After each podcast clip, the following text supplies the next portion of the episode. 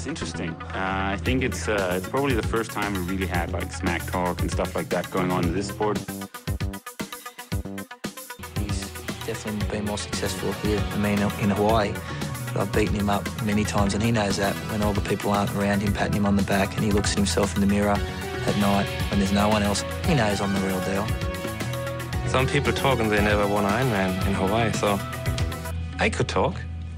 I won twice. Jeg hører, hvad, hvad folk siger. Kan, skal vi lige høre, at vi er i klubhuset? Jamen, jeg havde sådan, hvor folk, folk de rejse op og sådan, sådan ja. til, at, til hvad skal jeg sige tillykke til øh, vores world champion, og tillykke til øh, teamet, til arkitekten, til... Øh, the, er nogen, der har set den her fantastiske film fra 1996, den der Starship Troopers, hvor de skal finde The Smart Bug? Det er sådan lidt den der... Øh, det er måske... Er det, er det for en uh, avanceret reference? Det er verdens bedste B-film. Ja, ja. Og altså, kan, han har set den. Og jeg, vi vil, jeg vil gerne starte med at, at sige tak til alle dem, der er øh, kommet, øh, og tak til øh, Christian, fordi du øh, i dit øh, lidt stramme program, forestiller jeg mig, har tid til at sætte sådan en, en torsdag aften af til at komme her og tale, og også dig til, øh, tak til dig, træner Torben, for at stille op.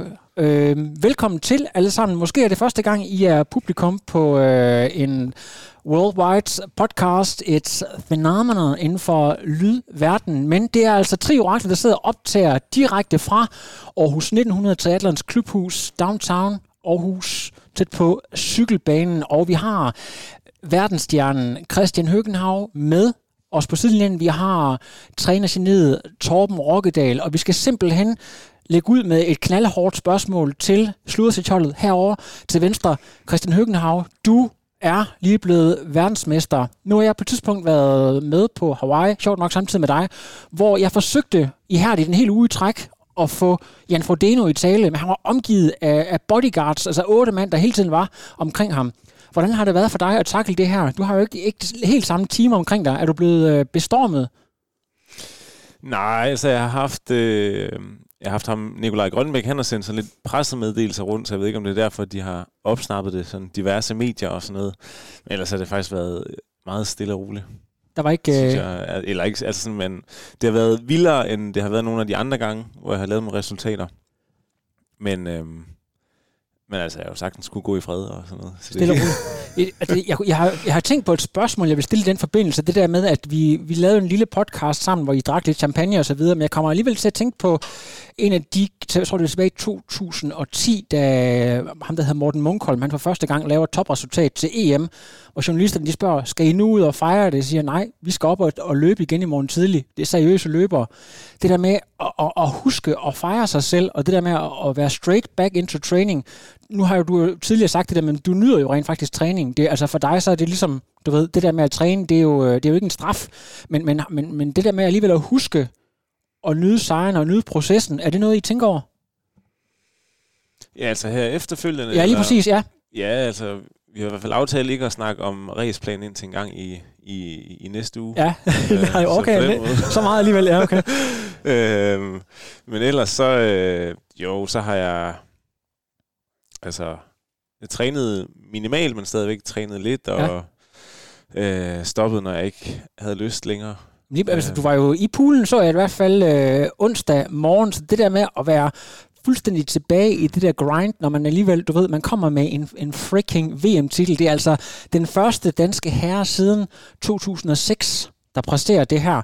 Altså, det, man, man skulle forestille sig, at man kunne, øh, ja, det ved jeg ikke, øh, hoppe øh, Shippetov hele vejen op og ned af, af strøget uden øh, andet end en, en, en G-streng, eller gøre et eller andet fuldstændig vanvittigt. Men, men det er altså simpelthen back in the grind øh, fra, fra start af, og er det bare noget, der ligger fuldstændig på ryggraden, eller det, det, der, der er ikke sådan det der, okay, nu, nu har jeg ligesom opnået det, nu kan jeg godt lige back lidt overfærd. Nej, det tror jeg, jeg har fundet ud af, at jeg skal gøre. Ja. Ellers så får jeg det bare, så får jeg det virkelig dårligt. Ja. Altså, jeg prøvede på Hawaii der i 2019, ja. hvor at jeg havde sådan, at der havde jeg gjort det godt i alle mere nogle uger for inden, og var egentlig sådan rimelig mættet, og så var jeg ekstremt mættet efter at have ja. kørt øh, Hawaii, og pludselig også sådan i ugerne op til begyndte at få noget med øh, svangscenen, ja. og det blev så bare accelereret af at køre Hawaii, så jeg kunne heller ikke løbe bagefter. Jeg pakkede min cykel ned, fordi vi skulle vi fløj over til Maui og holdt lidt familieferie. Mm. Øhm, så jeg kunne ikke cykle, og jeg kunne ikke løbe. Øhm, så jeg svømmede måske 10 minutter om dagen. Ja. Så spiste jeg chips med dip, sådan hver formiddag, tror jeg, og øh, blev bare enormt øh, fed egentlig i løbet af de der to uger. Og da ja. jeg kom hjem, så var jeg sådan, altså, det var virkelig lang tid, jeg havde været i så dårlig ja. form, og det tog, det tog lang tid at komme tilbage, også bare i god form, og det synes jeg det var ret demotiverende. Ja. Så der skal jeg aldrig hen igen. Så du, du vil hellere ligesom holde øh, kæden stram, end, øh, end du vil øh, falde tilbage i, øh, hvad kan man sige, i, i tipsposen? Ja, ja, men så ligesom give kroppen lov til at også at komme, så man kan ja. godt mærke, at lige snart jeg begynder at trykke på, at jeg stadigvæk er træt. Ja. Øhm, men som du siger, sådan rent mentalt, så er det ikke fordi, det er nogen straf. Ja, lige præcis. Der, der er mange tilgang til det der. Jeg ved, Mark Allen i gamle dage, han, hvis, nu er det også en lidt gammel reference for folk, der måske ikke engang var født på det tidspunkt, han vandt jo Hawaii seks gange i streg, øhm, og, og plejede i off-season bare at tage ud og surfe, ikke rigtig lavet rigtig, sådan, så meget, og så først til, meget senere, ligesom, du ved, tage, tage de der ting op, men det kan selvfølgelig også være, at øh, på det tidspunkt, der, øh, der var der ikke race hele tiden, ligesom der er nu. Altså, der er simpelthen et andet krav i moderne triathlon til, at man skal top flere gange, så du kan ikke tillade dig og, og ligesom let it go på den samme måde. Nej, og jeg har også, altså sådan, øh, jeg kunne forestille mig sådan en som Mark Allen på det tidspunkt, øh, tror han måske, eller har han måske også nået sit potentiale, så ja. at sige. Så det, det handler om for ham, det er at bygge op til det peak, han kan få hver ja. gang, hvor at jeg måske mere føler, at jeg stadigvæk er på en kurve til at kunne udvikle mig. Så jeg, præcis. jeg skal ikke tage et stort dyk i form for så at bruge øh, flere måneder på at komme op på samme niveau, og så bygge videre derfra igen. Så hellere holde lidt ved lige. Vi tager lige ved, når du bliver 37, så ser vi lige på den der. øhm, jeg synes, at øh, vi skal prøve at tale, får vi lige Torben med ind i spil her, for vi har jo inviteret dig med, så vi skal også have til at sige noget, Torben. Vi har jo siddet og moret os lidt over nogle gamle øh, skrivelser, fordi vi har jo siddet i øh, det her såkaldte eliteudvalg, og så siddet som sådan nogle øh, rigtige baroner, og skaltet og valgtet, hvem der skulle være med på eliteholder, som er ud og højre og venstre, og sådan rigtig siddet og være magtfuldkommende. Og så, øh, så Christian, han var en af dem, der, der, der, der har skrevet en ansøgning. Jeg husker særlig en tilbage fra øh, 2016, tror jeg, hvor øh, du lige skal, jeg tror lige, du har måske vundet Frankfurt det år, kan det passe? Som age grupper? Ja, i 16, ja. Ja, lige ja. præcis. Og, og du skriver noget i retningen af, Øhm, jeg, jeg ved ikke så meget om, om jeg sådan rigtig har nogen drømme. Jeg, det kunne bare være virkelig fedt at sige, at man har været professionel. Altså, det, det, altså, det var, der var virkelig ikke, øh, altså, det var ikke Nej. særlig store ambitioner, der var. Og så i forhold til, hvad der er sket, kan du lige prøve at, at tage os med? Du har jo ligesom været med helt fra, fra start af, Torben, i den her periode. Hvad er det, der sker? Hvad er det for nogle aftaler, I laver? Jeg, jeg, du kan, jeg kan sådan lige hjælpe lidt på vej, hvad det er, jeg fisker efter. Det er nogle ret detaljerede planer, I, I ligesom laver om, hvad der skal ske øh, sådan i, i de næste par år? Ja, først og fremmest så er det jo så er det jo sjovt, som du selv siger, at sidde og kigge tilbage på den gang, hvor du faktisk var med til at starte Superliga-holdet sammen med Lisbeth Grafak i sin tid. Nemlig? I, ja, det der vel var 2015, tror jeg. Ja. Jeg kan faktisk ikke huske, om Christian var på fra 2015, eller om man først kom på i 2016, men Øhm, men ja, det er ret sjovt at, at kigge tilbage i gemmerne og så se sådan en ansøgning fra, fra Christian, og så, og så kigge på, hvor man står i dag. Øh, og så lige også huske øh, hinanden på en gang imellem, hvad det egentlig er, hvor langt vi egentlig allerede er nået nu, kan man sige, selvom at det jo heller ikke er, er kulminationen det her. Vi, vi har jo selvfølgelig stadigvæk øh, nogle ting, som vi, som vi stræber efter, og som, som er det næste mål, og, og endnu højere mål.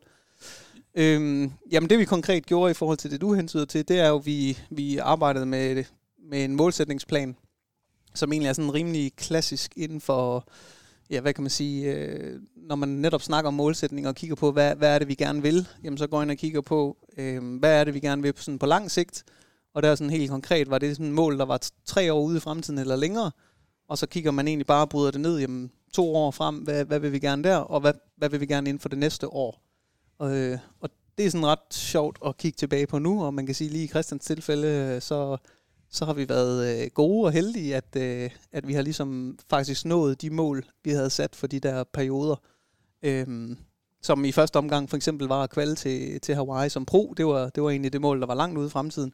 Og, og så er det jo så sidenhen blevet til, blevet til lidt mere ambitiøse mål. Men, men egentlig fra starten af, ja, at, at bryde det øh, op i nogle år ad gangen, og, og samtidig også turde kigge, jamen, hvad er det, hvad er det måske, der er den ultimative, ultimative drøm, eller hvad er det, vi kigger, kigger ud efter endnu længere øh, frem i tiden. Præcis. Jeg synes, det er rigtig spændende med øh, en atlet som netop Christian, fordi det er sådan en testimonial til øh, så det der med, at du ikke behøver at have været igennem sådan en eliteskoling hele vejen op for at kunne nå nogle mål. Jeg ved, at du og jeg, Christian, kørte faktisk begge to Frankfurt i 2013. Der tror jeg ja. faktisk, det lykkedes mig at komme ind før dig. Det kan så godt være, at du, øh, at du øh, gik øh, halvdelen af maratonløbet eller sådan men i hvert fald, jeg tror nok, jeg endte lidt op før du gjorde. Vi har masser af age-grupper, der i deres første triathlon kører, ja, hvad er det, sådan noget 8.30, det er 9.15, du ved. Folk, der er giftet det her, men, men det har du jo på ingen måde været. Altså, det kan du godt være, at du, at du godt kan lide at træne, men det er jo ikke sådan noget med, at du bare lige hiver sådan en, øh, en øh, fantomtid op af hatten. Det er altså long, steady progression. Så når vi har, når vi har det faktum på plads, og du som træner får Christian ind i øh, Superelite og elite-teamet, hvad er det så, du kan se, på, se ved, ved ham som type, at vi har, vi har et potentiale her, som adskiller sig fra alle de mange andre, vi, vi ligesom har haft? Ja, det er også altid et godt spørgsmål. Ja. Øh, men, men jeg tror i hvert fald en af de ting, der, der jo helt klart skal til, og det er også en af de ting, som, ja, som Christian faktisk selv skriver i, i nogle af de der ansøgninger, når vi nu kigger tilbage, jamen det er jo bare i bund og grund, kan man sige, at have dedikationen til, at man vil gøre, hvad der skal til. Øh, og øh, ja, når vi nu kigger tilbage, så har det jo været, øh, dengang Christian startede der, jamen relativt hurtigt at komme op på omkring faktisk 10-15 timers træning, samtidig med, at, at der jo var studier ved siden af, og, øh, og en masse andre ting, der skulle passes, og, og Christians træningsalder på det tidspunkt heller ikke var, var særlig gammel. Øhm, og så har han jo selvfølgelig, altså ud over dedikationen, også bare haft en, ja, en iver for ligesom at, at nørde i detaljen. Mm.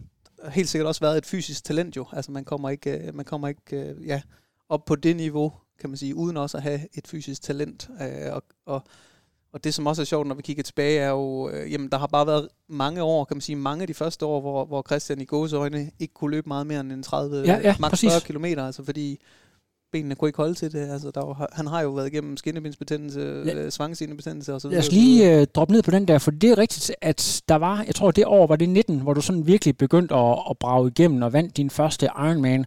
Det var op til den sæson, hvor at du for første gang kunne løbe kontinuerligt. Jeg tror endda også, du skrev en ansøgning, at jeg er god på cyklen, men øh, kæmper med løbet. Set ud fra de tider, du har lavet, altså du har lige postet en uh, øh, 2.41 på en uh, nearly accurate course, så det, det kan du ikke ligesom sige mere, at du, du er efterhånden ved at være, det vil man kalde for en uh, complete athlete. Så det der med at blive skadesfri, hvad er det præcis, der har gjort det, uh, at, at det er blevet muligt? Ja, ja det, det er jo nok ikke bare én ting, altså, men altså, jeg kom jo ind i tri sådan uden, altså som barn har jeg lavet mange forskellige sportsgrene, og så mm. har jeg så haft en, en lang periode der, hvor at, øh, når testosteron virkelig pumper rundt i ja. kroppen, og sådan, så har jeg måske lavet knap så meget. Øhm, så jeg tror, på nogle fronter har jeg virkelig manglet noget styrke, nogle ret initielle steder, altså specielt sådan noget stabilitet omkring hoften og sådan noget. Jeg kan huske, ja de første øh, mange år, når, altså, hvis jeg skulle lave benspark, og vi lå og lavede noget crawl og sådan noget, det første sted, jeg blev træt, det var sådan helt oppe i hoften, sådan ja. op omkring. Øhm, så jeg tror simpelthen, at, øh, og jeg egentlig også generelt tror jeg, at min læge har været ret svage. Altså, så øhm, jeg tror generelt bare, at jeg har manglet noget, noget styrke, og så kan det være, at formmæssigt, det er så bare gået meget hurtigere end for opbygget den her sådan robusthed hele vejen rundt, fordi som Torben siger, så har jeg tror, jeg har været igennem samtlige løbeskader, altså løbeknæ og betændelse i begge svangscener og begge kildesener. Uh, jeg tror, det eneste, jeg ikke har haft, det er sådan noget øh, løberknæ ja. nærmest. Ellers så tror jeg, og skinnebensbetændelse også på begge ben. Og Udover styrketræning, så ved jeg, at du har også på et tidspunkt øh, øh, bijobbet nede hos løberen. Så det der med valg af løbesko, det her med, og jeg ved, mange af sådan nogle, de her 200 km per uge løbere, altså hardcore elite løbere, meget ude at løbe på græs, meget grus, de her ting. Er det noget, du er meget bevidst om, ligesom at mixe det op af lidt? Ja, det er i hvert fald blevet. Ja. ja ekstremt meget. Øhm, ja, prøver i hvert fald at... Nu har vi også, øh, med eliteholdet har vi et ugenligt pas, hvor vi løber noget interval på mm. grus for eksempel, og øh, det er en god måde at tjekke det lidt op, og ellers mm. kan jeg generelt godt lide også nogle gange at tit bare at løbe ud i skoven, hvor jeg i starten øh, ja, kun løb på asfalt. Ja. ja. Jamen, det, det er super interessant, og jeg synes lige, jeg vil, jeg vil, før vi lige går videre til næste punkt her, øh, et, et særligt punkt, ved jeg, I er sådan fokus på at, at bygge op, og i forhold til den her, sådan, øh, det som øh, regeringen i dag vil kalde for et forståelsespapir, Det, det er vel nærmest det, der er tale om her. øh, at vælge triatlon som livsstil, altså det er sådan lidt fluffy, men hvad, hvad, hvad, hvad, hvad ligger du i det, når du siger det? Altså at have triathlon som, som en livsstil, og have det som en prioritet? Øh, jamen det vi jo egentlig bare snakket om, det er jo det her med, at man ligesom er, og det, det er jo også en lidt kendt begreb, at man er atlet 24 timer ja. i, i døgnet. Altså man, øh, man træner ikke bare, og, øh, og så er det det, der er vigtigt. Og så går man hjem, og så øh, kan man gøre fuldstændig, som man har lyst til, når man så kommer hjem. Altså, og det er jo egentlig også en af de ting, som, som, som jeg ligesom som også er gået op for mig, er, er måske endnu vigtigere end i virkeligheden, hvad du træner. Altså, at du rent faktisk også øh, tænker dig om, når du ikke træner. Fordi at hvilen og ernæringen og søvnen og alle de her ting er mindst lige så vigtige. Øh, så så øh, det at have tri, tri som en livsstil er egentlig bare, at man ligesom øh, hele vejen rundt, kan man sige, lever hensigtsmæssigt og professionelt, eller hvad du nu vil kalde det. Ja, fantastisk. Har du en, øh, en, en øh, tilføjelse til Christian? Ja, det er i hvert fald noget, der har taget tid for mig. Jeg kan ja. huske de første mange år, øh, da jeg var startet, eller dykket tri her i Aarhus 1900 og studeret øh, øh, ved siden af. Ja. Øhm, der, jeg havde meget svært ved at falde i søvn derop til de der onsdagspas der. Ja. Så der, der endte jeg tit med at falde i søvn med sådan noget i et to-tiden eller sådan noget, og så få tre timer søvn, og så så kunne man lige spise et par koffeinpiller, så, så kunne man uh, træne, træne hårdt, og så over, og så sidde og kæmpe med at holde sig vågen over til... Ja, prøv, prøv at, lad, lad os lige, for jeg har faktisk lige talt om uh, din fellow coach Hinkær omkring det der. Uh, nu er jeg jo ganske vist en ganske almindelig age grupper, men der sidder garanteret mange, der kan genkende det. Det der med, at man får den mentale switch fra, at svømning er en sur pligt, til at man skal slæbe sig afsted til, at det er noget, man freaking glæder sig til, og alting bare bliver legnet op, dræt ind til højre, booster eller et eller andet står i køleskabet klar. Øh, podcast, øh, du ved, øh, til at gå til svør. Altså det hele, det er bare op. Finder du den på et tidspunkt, det der med at sige, nu går vi fra, fra, fra det ene mindset til det andet? Ja, jeg tror, det er kommet sådan meget løbende. Ja. Eller stille og roligt, for mit vedkommende ja. i hvert fald.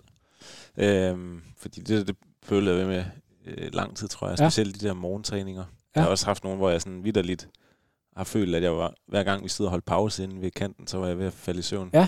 Når det har været rigtig slemt. Ja, præcis. Altså nu bruger jeg jo ADHD-medicin, så jeg, jeg, jeg bruger faktisk også medicamenter for ligesom at, at snyde en lille smule. Ja, men, det, men, ja, men det er super interessant, at det, at det er noget, der ligesom både gælder for, for folk på øh, meget højt plan, som øh, ganske almindelige øh, age-grupper. Jeg skal lige sige... Ja, det er, også, altså, det er jo også mange år siden, kan man sige. Men det der med, det, jeg har aldrig lavet det der skifte fra det ene til det andet, okay. men det er sådan noget hvor det, var, ja, det er kommet løbende ja. det hele, og så prøvet at optimere det mere og mere efterhånden. Som, Vi er ikke over i sådan en... Sindballe bruger i hans bog øh, Den perfekte præstation, det her udtryk med automatknappen. Det der med, at man gør ting sådan øh, uden... Altså, det kommer ikke engang ind og vende. Man gør det bare. Øh, er, det, øh, er det det, der, der er på spil? Ja, men jeg tror også, altså... Dengang var det jo lige så meget bare glæden ved tri. Ja. Altså, så Altså, der gjorde det mig ikke noget, tror jeg ikke, at øh, jeg havde fået øh, tre timer søvn nogle gange, inden jeg skulle op og træne, fordi jeg synes bare, det var fedt. Altså, jeg skal lige høre, og jeg ved ikke, om det er en uh, ironic statement, men øh, torskerovn med remoulade, er det stadigvæk en favorit? Ja, det er faktisk, det er jeg tror, det er, det er lang tid siden, jeg har fået det. Ja. Men det spiste jeg ret meget, dengang jeg flyttede hjemmefra, ja. og makrelmad ja. og sådan noget. Jamen, det er også, øh, jeg tror, der er rigtig, rigtig gode sag i det. Skal vi ikke lige prøve at zoome ind på noget, jeg lagde mærke til, det var i forhold til din brillante 2000 og 19 sæson, hvor det lykkedes øh, med to gode præstationer i træk. Først øh, vinder du din første Ironman nede i Hamburg, og så bliver du nummer to i Almere. Og så er det jo sådan næsten det, er det samme, du laver bare med omvendt fortegn, at du bliver nummer to i Frankfurt, tæt på at vinde, og så går du ned og rundsmadrer ned i Almere.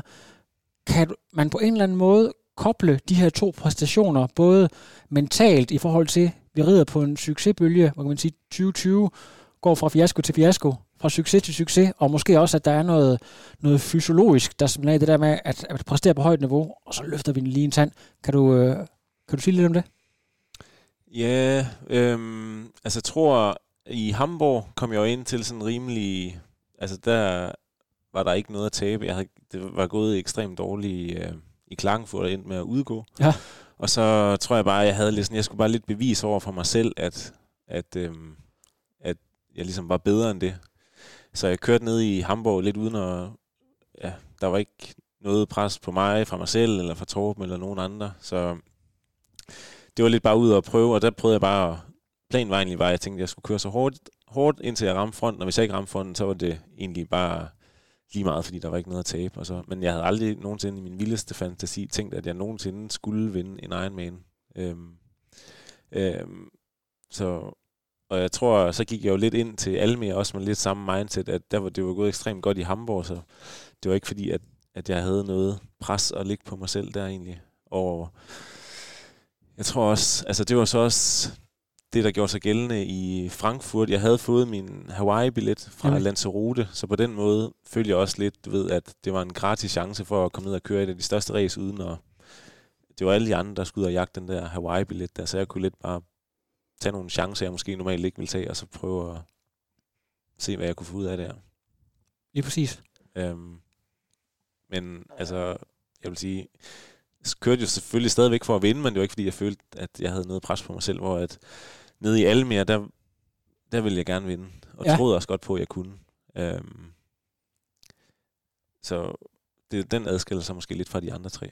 Og det skulle jeg godt tænke mig at bringe dig i spil, Torben, fordi du er med nede i Almere til det her VM, og øh, var også, øh, altså I havde mulighed for at få sådan noget, øh, sådan coaching corner, eller man kan sige, hvor I kunne give feedback og så videre.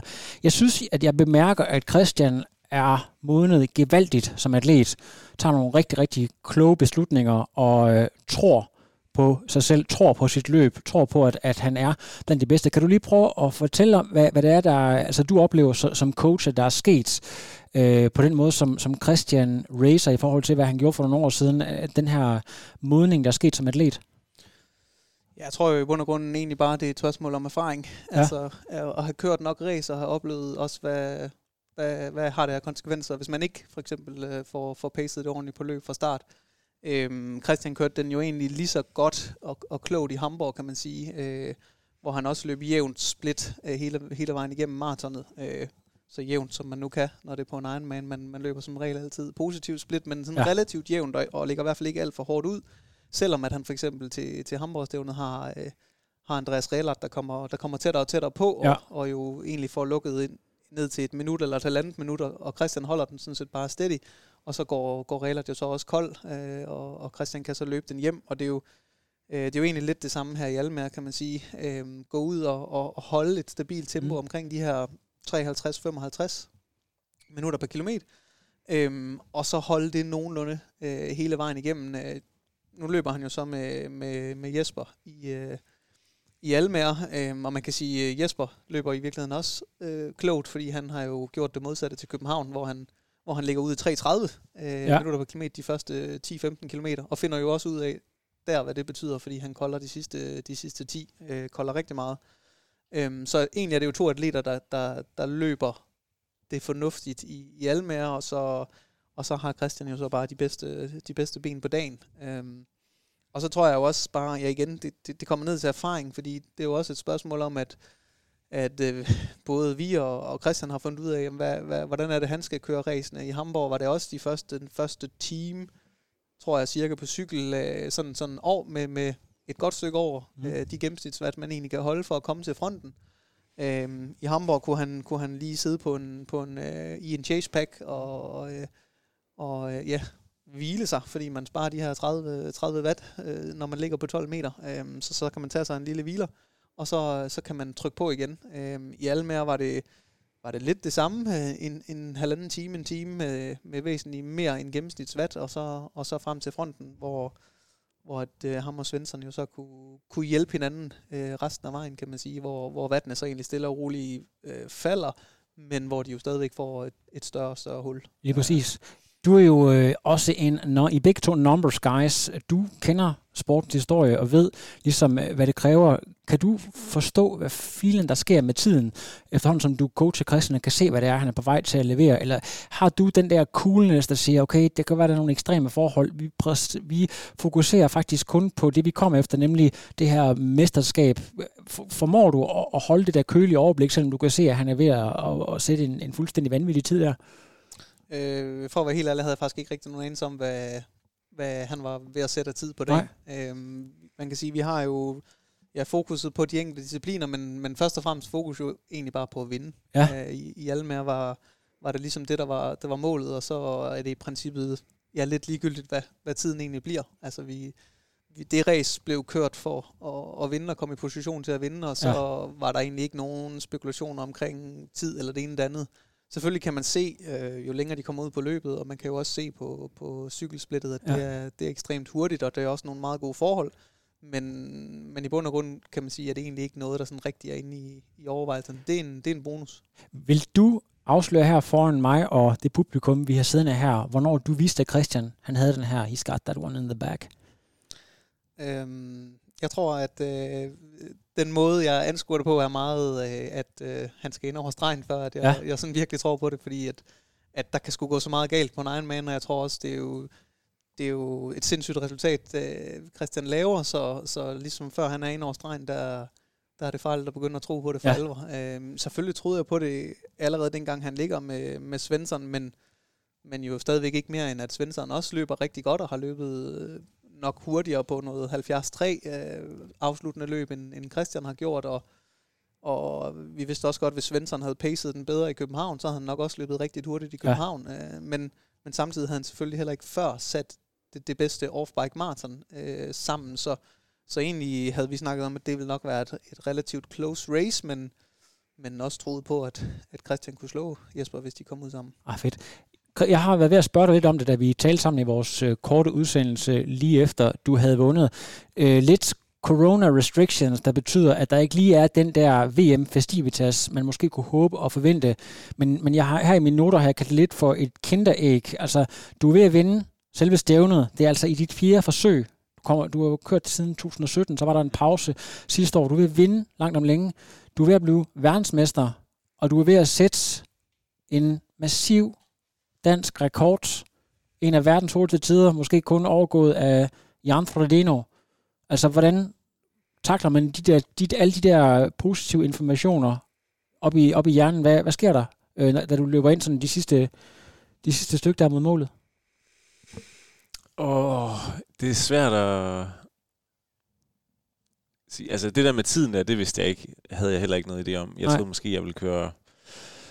Øh, det ved jeg ikke 45 eller sådan et eller andet. Ja, ja. Men der var sådan en eller anden, der råbte ud på ruten, sådan nærmest, altså, jeg havde, jeg havde, hvad hedder det, jeg havde næsten lige lavet min ur, fordi jeg tænkte, de sidste 10 minutter kunne jeg godt lige chille lidt, og så lige nyde stemning. Og så ja. var der en eller anden, der råbte et eller andet med, at der var 6 minutter ned til verdensrekorden, eller sådan et eller andet. Ja, ja, ja. Så jeg forstod ikke, hvad han sagde. Nej, nej, nej. nej. Men, øhm, men nej, det var, ikke, det, var ikke, det var egentlig ikke øh, det, jeg gik efter. Jeg tror, jeg ved ikke, Um, om jeg sådan 100% forstod det, eller sådan, fordi det er, um, fordi der med, hvis der ligesom også er en masse tilskuere, der bekræfter egentlig, at det er ret vanvittigt, eller ja. så føles det anderledes, men jeg tror bare, jeg var glad. Altså ja. sådan uden, altså sådan helt... Ja, at, at det var sådan, at, øh, at, at helt, helt umiddelbart, når man, når man registrerer eller tænker over, jeg er lige ved at blive, altså det der med, nu er jeg verdensmester, eller tænker bare, nu har jeg vundet stævnet, eller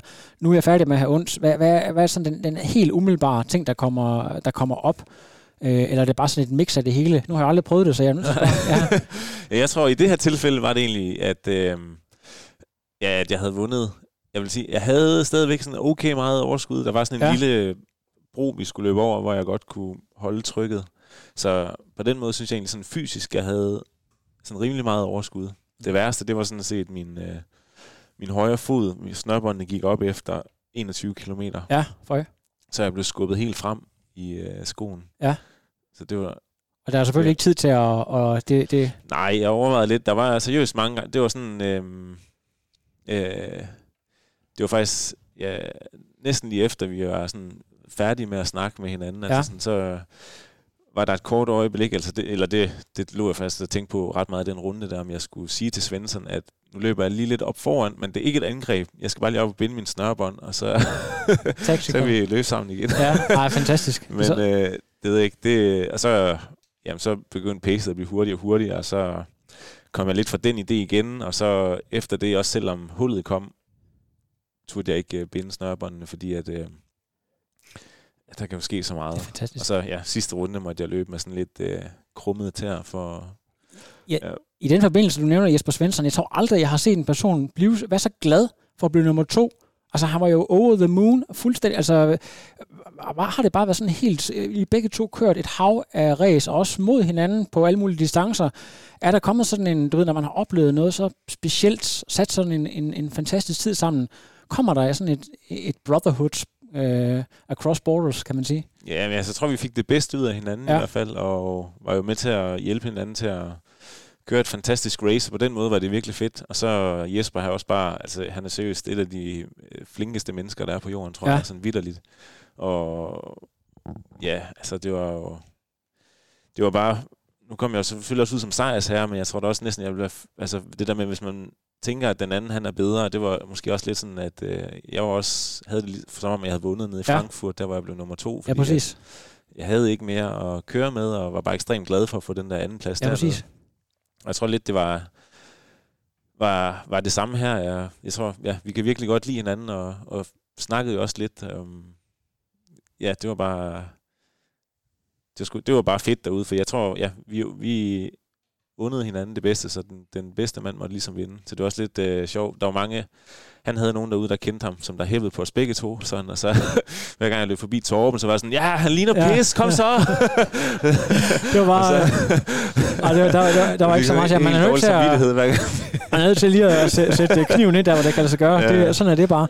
Men jeg, jeg er simpelthen nødt til at, at lige nævne noget, fordi at jeg sad jo og lavede lidt uh, talgymnastik, fordi for at sidde og kigge på, hvad der var af de her sub 40 tider gennem uh, historien. Og uh, så, uh, så kan, jeg, jeg synes, jeg har en fornemmelse af, at der er bare visse atleter, som man under de her rekorder eller hurtig tid mindre. Sådan en Jan van Berkel, der har kørt en eller anden tid, øh, som også har fået noget kritik for at være sådan lidt af en wheel soccer, Øh, altså den her type, der gemmer sig nede i pakket og så løber frem. Har du en fornemmelse af, at typer som dig og Svensson bliver anset for at være mere værdige? Altså jeg har ikke set en eneste, der har, øh, hvad kan man sige, øh, sådan øffet over, over jeres tider, fordi I er det, man kalder for, øh, er det ikke, man kalder for sunshine riders, altså de der folk, der, der ligesom tager vinden helt op foran, det bliver anset for at være en finere måde at gøre tingene på, end de der folk, der, der lader sig hive med, og så hiver sådan en... Øh, øh, magisk 232 op af, af hatten lige pludselig. Øh, det, det er bare sådan en fornemmelse, jeg har. Er der noget om det? Jo, altså det er jo altid federe, hvis, øh, hvis man ikke sidder og sparer for meget på kræften ude på cyklen. Ja. Altså, øh, subjektivt set jo, men det er også fordi, jeg er den type, jeg er. Det ja. er jo altid... Øh, Øh, ellers er det jo lige pludselig en meget lang og kedelig dag. Ja, præcis. Man, men jeg, jeg, altså nu, det er jo svært at rose sig selv, men har du ikke en, en indtryk, når du er ude sammen med Christian, han er en ekstrem vældigt atlet øh, blandt øh, de andre professionelle? Jo, jo, det tror jeg, det, det er der jo nok mange grunde til, men det er nok primært også på grund af hans ydmyghed, ja. kan man sige, at øh, det, ja, altså der er jo ikke, øh, der er ikke så meget ondt i, i Christian, så, så de fleste, han møder på sin vej, tænker jeg egentlig også godt kan lide ham. Ja, den øhm, omvendte Sam Long. Jeg tror, jeg, jeg ved, jeg skal ikke ja. kunne sige det. Jeg, det kan godt være, at de fleste egentlig også kan lide Sam Long. Ja, jeg tror også. Øh, han kan jo godt øh, snakke en masse, masse pis på nettet, men jeg tror egentlig, de fleste af os sidder nok egentlig også derhjemme og synes, det er meget sjovt og fedt og, og bidrager godt til sporten. Det er præcis. Øhm, hvis jeg må byde ind med den der med, med Jesper og, og Christian, hvis ja, man ser racet, og man kan jo gå ind og se, uh, se racet igen, mm. så det, der er lidt bemærkelsesværdigt, er jo, at de af sig selv nærmest holder 20 meter ja. på, på cyklen. Uh, og det synes jeg jo egentlig er bemærkelsesværdigt i forhold til, at både det, at de kører så hurtigt en tid, men også det, at de kører jo, de kører jo mod hinanden, og de kører jo for at vinde.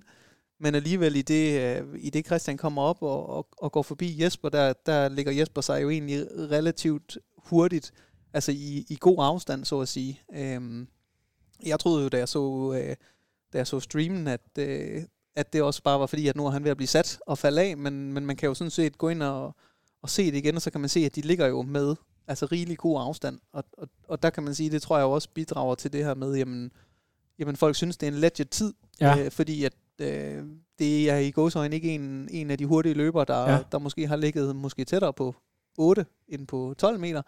Og så har man måske modstykket til det her, hvor de, hvor de nærmest af sig selv bare ligger sig ud på 15, selvom at de i princippet kunne, ja, kunne ligge sig lidt tættere på. Øhm, omvendt vil jeg så sige fra et trænerperspektiv, så øh, kan man jo også diskutere, om, om man ikke kan blive for flink. Ja. Øh, fordi havde det nu kostet sejren ikke at ligge på, på 10 meter, fordi man ville være flink, så er det jo, ja, altså, øh, det er bare for at sige, det er ikke nødvendigvis altid den klogeste beslutning, jo, men, øh, men man kan i hvert fald som udfrakommende altså, er, har man jo sindssygt meget respekt for, at de kører så god en tid, når de samtidig ikke bare har ligget og, og wheelsocket på, på cyklen. Ja, præcis. Jeg, da jeg sad og lavede den her øh, oversigt over nogle af de her hurtigste tider, så øh, de navne, der dukker op på den her liste, det er ikke nødvendigvis sådan de der top, top favoritter til, eller sådan øh, usual suspects til at vinde Hawaii Ironman. Til gengæld så er det nogle atleter, som er rigtig, rigtig gode på specifikke ruter. Matt Hansen for eksempel har vundet rigtig mange gange i Texas, løbet meget, meget stærkt der. Høen har kørt virkelig stærkt, har haft nogle af sine bedste race i Almere. Så det der med, når der kommer en, en bestemt atlet, der, der bare er mega dygtig øh, på en, en bestemt rute, tror jeg, det er det, øh, det er resultat af, at, at du simpelthen med din, øh, med din øh, måde at køre på, altså så har du simpelthen øh, for, for fast times på et sted som Almere, hvis du selv skal sige det, Christian. Ja, altså den må bare åbenbart passe mig godt, tror jeg. Ja. Altså der er jo ikke ret mange højdemeter på de der 180 kilometer. Og hvis man kan træde en god pedal og samtidig være aero og holde positionen i lang tid, uden at, at det udtrætter en, så, ja. så tror jeg, man kan gøre det godt på den rute. Ja. Øhm, og så jamen lidt det samme med løbet, det er jo også bare altså, virkelig fladt. Det er jo kun fordi, man lige skal over nogle broer en gang imellem, at der er lidt stigninger på. Men, ja. Så ja, det tror jeg, det er jo nok... Øh, ja, derfor tror jeg. Men lige med, at det er, fjerde, det er jo fjerde gang, at du mm. kører, så du kender forholdene dernede ud og ind. Altså, kunne, du kunne vel se på din output så videre, at det gik sådan usædvanligt stærkt, eller er man, du ved ikke, er man så meget i race mode, at man mere tænker på, hvad der sker omkring en i forhold til, hvor hurtigt man rent faktisk kører? Jo, altså jeg måtte lige slå over sådan halvvejs for at se, ja. hvor hurtigt det gik. Ja, præcis. Øhm, for det havde faktisk vidderligt ikke nogen idé om. For vi skal jo lige, altså for, folk, der ikke lige har fulgt med, nu så jeg jo, jeg går altid ud, ud fra, at folk har set det samme, som jeg har. Det, det er så ikke altid tilfældet. Men altså, den eksisterende rekord er jo fra 19 på cyklen. Cameron Worth, 4.10. Jeg tror, at den lejlighed kører du omkring 4.13. Lige omkring 3 minutter langsomt, men I kører altså 4, jeg tror, du kører 4.03. Ja. Det vil sige 7 minutter hurtigere, og så var der lige uh, Adam Hansen, mm. som lige kørte lille minut hurtigere. Så det, altså, så, så det er altså, hvad kan man sige, syv minutter hurtigere, og så laver I et, et blast af et maraton. 4, nej, 2.41 løber du, og 2.43 løber Jesper Svensson. Så det, det har, der har altså bare været smæk på.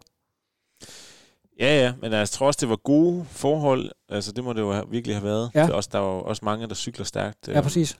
Har, altså, når du kommer hjem fra sådan et race, du lige går du, går du øh, dig og Torben, går I, i, i tingene sådan minutiøst igennem? Sådan, I har vel sådan en, en, en database, I sidder og, og, og sådan analyserer på, øh, eller hvad, Torben?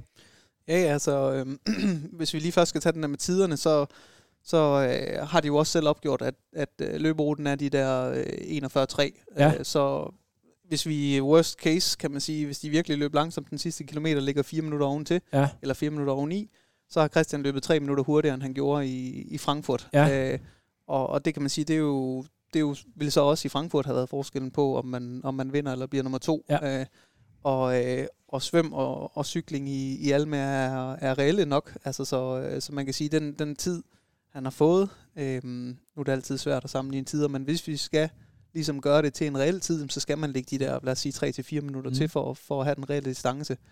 Øh, hvor man kan sige, hvis, hvis man kigger på nogle af de andre af de tider, du har lagt ud, så, så er det på nogle ruter, som måske er, er væsentligt mere forkortet, eller, mm. eller hvor man ved, der helt åbenlyst har været øh, ja. altså rigtig meget drafting. Nu, nu kørte Høen jo selv det år i Texas, mener jeg, hvor, hvor både Hansons og ja, der var en anden af dem, der lå på, på de hurtige tider, der også kørte derover, øhm, hvor at der jo ja, ikke var nogen øh, motorcykler ude på, på, på ruten, så der er mere eller mindre nærmest blevet kørt cykelløb. Øh, og så ved jeg ikke, om, om maraton også var for kort, men...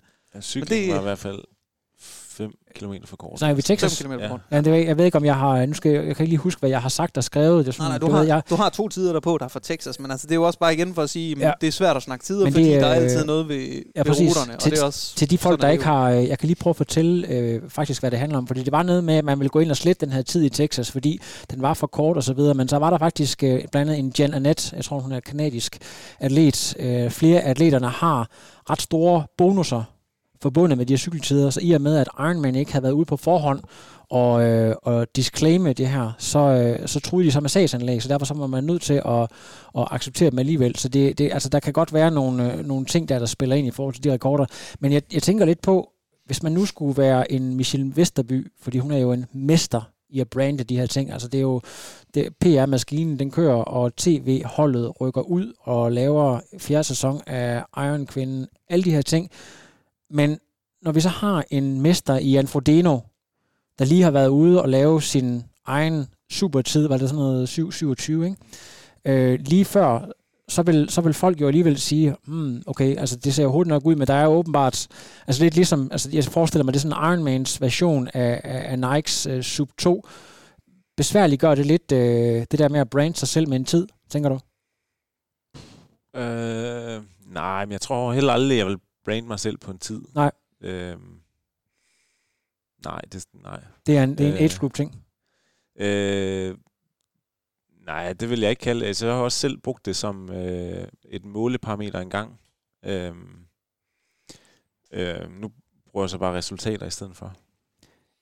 Jeg tror jo, Lasse, hvis vi skal vende lidt tilbage til det her med tiderne, så, så, så er det jo løgn at sige, at det ikke er noget, man, man går op i. Mm. Men jeg tror jo, den måde, vi lidt mere kigger på det, det er jo, det er jo rent faktisk, og, altså for også at kunne se, jamen, hvordan er udviklingen. Altså, og derfor er der jo ikke noget, kan man sige, fedt i, øh, når vi sidder og snakker sammen, at tiden, eller at løberuten er 800 eller 900 meter for kort, så ja. er det jo mere noget med egentlig, jamen, hvad, hvad ville tiden reelt set have været, hvis det var en, en rigtig rute, så ja, at sige. Fordi det er jo det, vi kan sammenligne på tværs af, af de forskellige racer, der bliver kørt. Øh, og igen, så skal man jo altid tage, tage højde for, hvad for nogle forhold, der er kørt i. Men når vi kigger på, på Christians præstationer, så kan vi jo også ligesom prøve at gå ind og vurdere, jamen, øh, der der var der så så gode forhold, så, så hvordan synes vi egentlig, præstationerne line op imod hinanden? Og mm. der kan vi jo selvfølgelig også kigge på, jamen, hvad, hvad der er blevet løbet af pace, eller hvad, mm. der, hvad der er blevet kørt af watt, som jo selvfølgelig også kan bruges. Øh, også fordi igen, der er nogle ruter, hvor man vil komme til at køre mere alene, og slet ikke få gavn af at og nogle gange ligge på en 10-12 meter,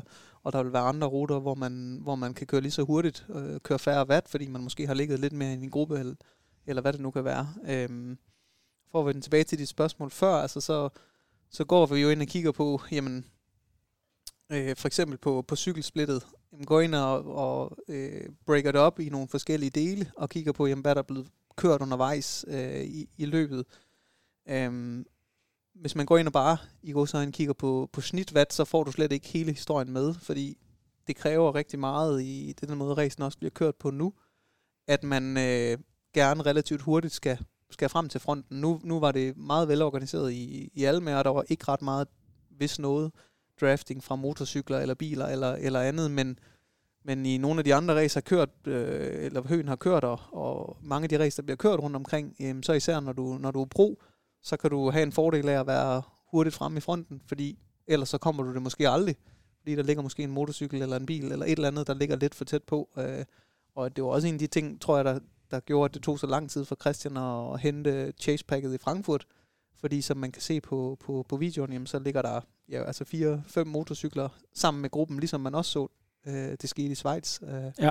Så, så der er nogle andre ting, man bare bliver nødt til at tage for højde for, øh, kontra når man er age grouper, og ligesom mere bare kan tænke på at køre en jævn, god præstation, og det er ligesom at køre så jævnt som muligt hele vejen igennem, så kan man her være nødt til ligesom den første time, halvanden time, køre væsentligt over sin, sin snitsvat for ligesom at komme frem ja. og, og komme op til en pack, øh, eller komme op til fronten. Øhm. Jeg, jeg tænkte på den forbindelse, at sæsonen har jo sådan set været længere end det her. Du plejer altid at være ret god i sådan en anden halvdel af året, historisk set. Der var et øh, Ironman Lanzarote, hvor din cykling var også fuldstændig out of the scale, altså virkelig, virkelig, det var måske noget af det bedste, du har kørt i år dernede, og det er også et sted, hvor folk ikke lige frem ligger øh, jul mod jul, øh, ligesom Almere, hvor der er de her 20 meter. Hvad, hvad var det, der ikke rigtig, hvad kan man sige, resulterede i, der gjorde du ikke rigtig resulteret i en sejr på Lanzarote i forhold til Almere, hvis du sammenligner de to præstationer, hvor du øh, begge, begge steder er mega stærk på cyklen, men det ene sted, der bliver du nummer fire, og det andet sted, der, der vinder du altså. Øhm, en væsentlig detalje, det var i hvert fald, at vi havde ikke været så skarpe, da vi læste race-manualen igennem. Ja. Så vi havde læst, at, øh, at det, der så var et special needs, hvor man selv skal lægge sin drikkevarer, at det var en aid station. Og det var lige inden, at det begyndte at gå op af. Så det havde jeg planlagt, at jeg skulle have noget vand der. Så jeg ender med at køre det allerhårdeste stykke på ruten, hvor man kører op af i lang tid. Øh, og det gør så også bare, at power outputtet er større, når man kører op af, svedraten stiger. At jeg kørte i over en time, uden at få noget som helst at drikke. Um, så jeg var, altså jeg var altså fuldstændig dehydreret, dengang jeg var oppe på toppen. Og altså, det kunne jeg så bare ikke... Øh, jeg troede, jeg kunne catch up på det, men der var race ligesom kørt sig. Altså, det var, det var ren overlevelse fra der halvvejs på ruten, efter jeg kom op på toppen af, eller var på det højeste punkt der på Lanzarote. Øhm, så altså, havde jeg fået to dunke der i bunden, som havde været planen, så tror jeg selv på, at det havde set meget anderledes ud. Louise kan sikkert også øh, bekræfte det der med, at du har før været i Texas og kører, tror jeg, sådan epic blow-ups, men det, det, altså det er du alligevel blevet ret god til at lave sådan damage control, så du siger, at du alligevel kommer hjem med, med pengepræmier og en fjerdeplads, øh, når du laver, når der sker grove fejl, der, lige, der, altså, der kan få meget store konsekvenser. Er det også en del af din øh, modenhed som atlet, at du, øh, selvom at der, der bliver begået fejl, kan begrænse skaden Ja, altså man kan jo sige, jeg var stadigvæk, på det tidspunkt var jeg jo stadigvæk sådan i contention til at vinde, og havde jo stadigvæk hele tiden troen på, at jeg kunne vinde det. Mm. Det kunne jeg så bare ikke, men det, det der så skete, det var jo, at jeg så stadigvæk var i spil til at få et Hawaii-slot dernede. Ja. Øhm, hvor jeg havde så kørt i Tulsa øhm, en måneds tid inden, eller sådan noget, eller halvanden, øhm, hvor der også var et epic blow-up, øh, hvor at det handlede så bare om ikke at komme ned og gå. Ja. Øhm, men det tror jeg, det var bare, måske bare vigtigt bare lige at, at komme igennem det race. Ja. Øhm, øh, ja, for jeg har da prøvet øh, ja, stå og græde i Louise's ja. arm, og så, men så stadigvæk komme i mål. Præcis, ja. hvad hedder det? Jeg synes, det, det, sådan, det leder alligevel lidt hen til sådan, øh, et af de sidste spørgsmål i forhold til det her med at tro på tingene, fordi at 2020 var sandt for dyden ikke specielt morsom, og så kommer du så til, hvad kan man sige, det er sådan for, forårssæsonens store mesterskabsrace, og det går heller ikke, jeg tror du bliver nummer 14 eller sådan noget. Jeg har fornemmelsen af, at du nogle gange sådan har kigget lidt på din professionelle karriere, som øh, et barn kigger på sin øh, hamster eller guldfisk, ikke noget, der sådan kan dø mellem fingrene. Den der, hvad kan man sige, tro, tro på tingene og, og bygge op fra noget meget, meget usikkert, og så til, at det, du ved, at det er jo sådan slowly progression. Man kan jo nærmest se det på resultaten, at det, der bare bliver bygget på fra starten af foråret og så op. Hvad er det, der, hvad er det, der sker der? Er det, er det noget bevidst, jeg arbejder med, eller er det bare, når du kan se, at træningen går godt? Hvad er det for nogle ting, der, der sker? Altså når det begynder at gå godt, eller... Ja, men du kan se, at når resultaterne kommer, og at du, altså, ja. du er, hvad kan man sige, du, du er sådan en, at dårlige resultater avler dårlige resultater, gode resultater ja. avler gode resultater, kan man sige. Øh, jeg ved ikke om... Jeg tror nogle gange, jeg kan lide en lille smule af, selvom man ikke skal give sig selv uh, diagnose eller noget som helst, men uh, nu har jeg glemt det engelske ord. Ungdomsløvsind? Nej, Nå. sådan lidt uh, det der bedragelsessyndrom, eller hvad hedder det? Indbildssyge? Nej, uh, jeg kan ikke huske det engelske ord, men at man tror, at... Uh, at man er bange for at blive afsløret i, at alt det, man laver, det er et kæmpe bedrag. Ja. Er der nogen, der er i gang med ja. Google? Eller der sidder også nogle læger her på, for, på vores række her? Imposter. Imposter syndrome. Ja. ja. Øhm, og når det så ikke øh, går godt, tror jeg, så er jeg god til at bilde mig selv ind, at det er sikkert... Øh, det ved jeg ikke, Hamburg, det var sikkert rent held, at ja. det var fordi de andre, de gik kolde, at jeg vandt dernede, og ja, jeg ved ikke, man kan hurtigt finde på en masse, øhm, så, så kan jeg godt lidt miste troen på mig selv og på projektet. Og, øhm, så har jeg måske også nogle gange været lidt for, for voldsom med træningsloadet, eller så vil jeg det måske gerne for meget, og så bliver det også hele sådan et eller andet stort blø, hvor at, at man er, er så træt hele tiden, at det også bare afler en masse negative tanker, og så bliver det sådan en ond spiral, hvor at, øh, ja, når det går godt, så går det jo godt, og så skal det også være, at man måske er, har lidt mere ro i maven til at tage de rigtige beslutninger. Måske det, der nok har været det største problem, det er det der med at køre for meget på, men så være bedre til måske lige at tage et skridt tilbage. Jeg vil lige spørge dig, Torben, har du indtryk af, at det er sådan en øh, mand med en vanvittig motor, med, med sådan et øh, skrøbeligt, lad os bare kalde det selvværd, lad os kalde, altså hvad det, hvad det er, man har med at gøre her. Og hvad gør man som coach i det her tilfælde, for ligesom at få, øh, få overbevist atleten om, at, at det er kan man sige, det, som vedkommende forsøger at bilde sig ind, ikke er, er sandheden?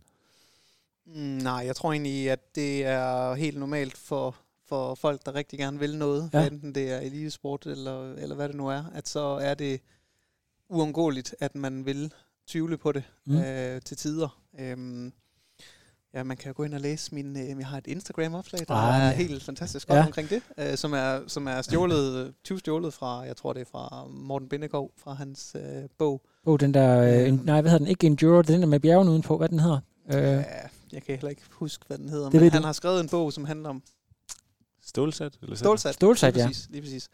Øhm, som jo handler meget om talentudvikling også, og, ja. og, og, og elitesport. Øhm, og jeg tror bare, altså man kan ikke undgå, at, at når tingene ikke kører jo især, så vil man, øh, så vil man komme til at tvivle på projektet og på, om, om, om man skulle have lavet noget helt andet. Øh, og selvfølgelig er det også lidt lettere at komme til at tvivle på det, når, øh, når man har øh, et corona-år oveni, og man tjener ikke rigtig nogen penge, og, øh, og det er jo ikke fordi, der tigger en, en, en fyrstelig løn ind sådan bare hver måned, som der gør i nogle andre sportsgrene, hvor man kan være lidt, lidt mere heldig med, at, at øh, budgetterne ser lidt bedre ud. Mm. Øh, så så altså, man kan sige, øhm, man kan ikke få den selvtillid, uden ligesom også at opleve, at der er nogle succeser.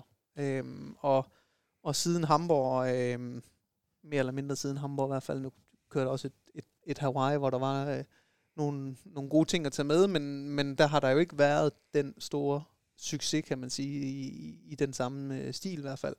Og, og så, så tænker jeg, så kan man ikke undgå at komme til at tvivle. Øhm, for nogle af os omkring Christian, tænker jeg, der kan det være svært at forstå nogle gange, at man ikke øh, tror noget mere på sig selv, fordi vi, vi stadigvæk også kan se, hvad, hvad der bliver leveret til træning, og, og, øh, og det jeg tror, jeg har sagt rigtig mange gange til Christian, det er, at det skal, det skal nok komme, øh, og der er ikke rigtig nogen af os, der er i tvivl om, at, at, at det skal nok komme, men, men man ved aldrig, hvornår det kommer. Altså, fordi det gælder også om at ramme ræset, det gælder selvfølgelig også om at ramme formen. Øh, og øh, ja, undervejs bliver der jo også lavet en masse fejl fra, fra mig og fra Christian. Og, altså, så der er jo også bare en, en læringsbane i at ligesom finde frem til, hvad, hvad er det, der skal til.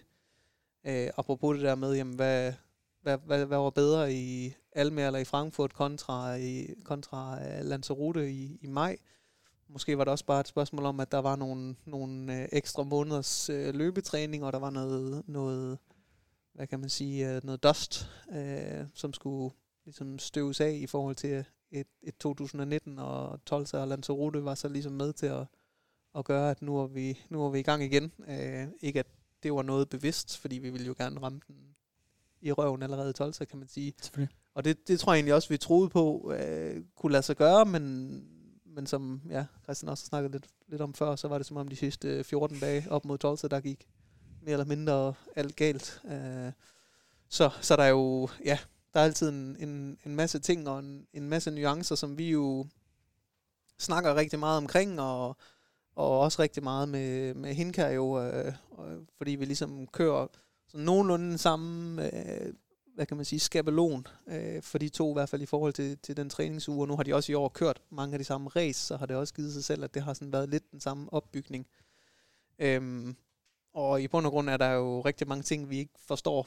Øhm, men vi prøver at blive klogere på hver gang, hvad, hvad der nu har gjort det ene og det andet. Men, men det er sindssygt svært, fordi der er altid rigtig mange ting i spil. Ja, præcis. Øh, så, så man kan sige, øh, jeg tror at vi kommer tættere og tættere på at have opskriften på, hvad der skal til, men, men det er også øh, hele tiden ongoing, fordi tingene ændrer sig også hele tiden. Øh, så så det, er, det er bare svært.